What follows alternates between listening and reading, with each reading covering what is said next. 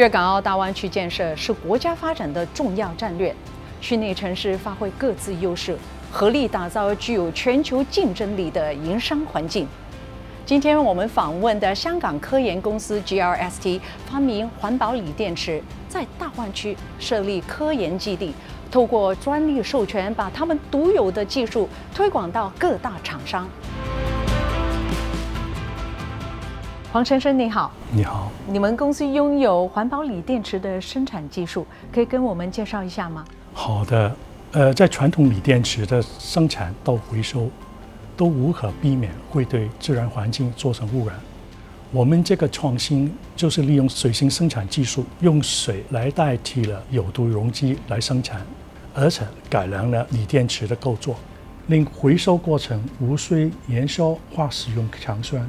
可大幅减低生产和回收过程中的污染物。听你这么说，这个是新技术哦。那投资大吗？会怕被人抄袭吗？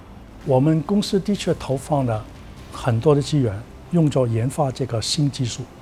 要防止这些科研和开发的成果被人抄袭，就要申请专利来取得法律的保障。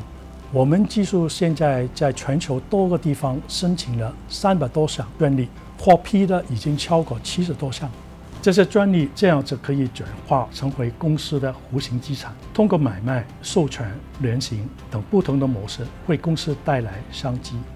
你们公司在香港和顺德分别就是设立了公司的总部和科研基地，可以分享一下大湾区对于科研公司所带来的优势吗？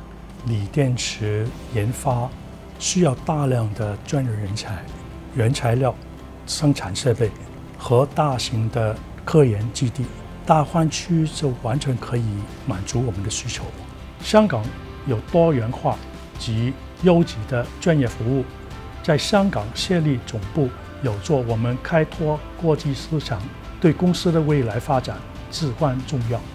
公司善用知识产权策略，配合大湾区的资源，有助推广科研成果到国际市场。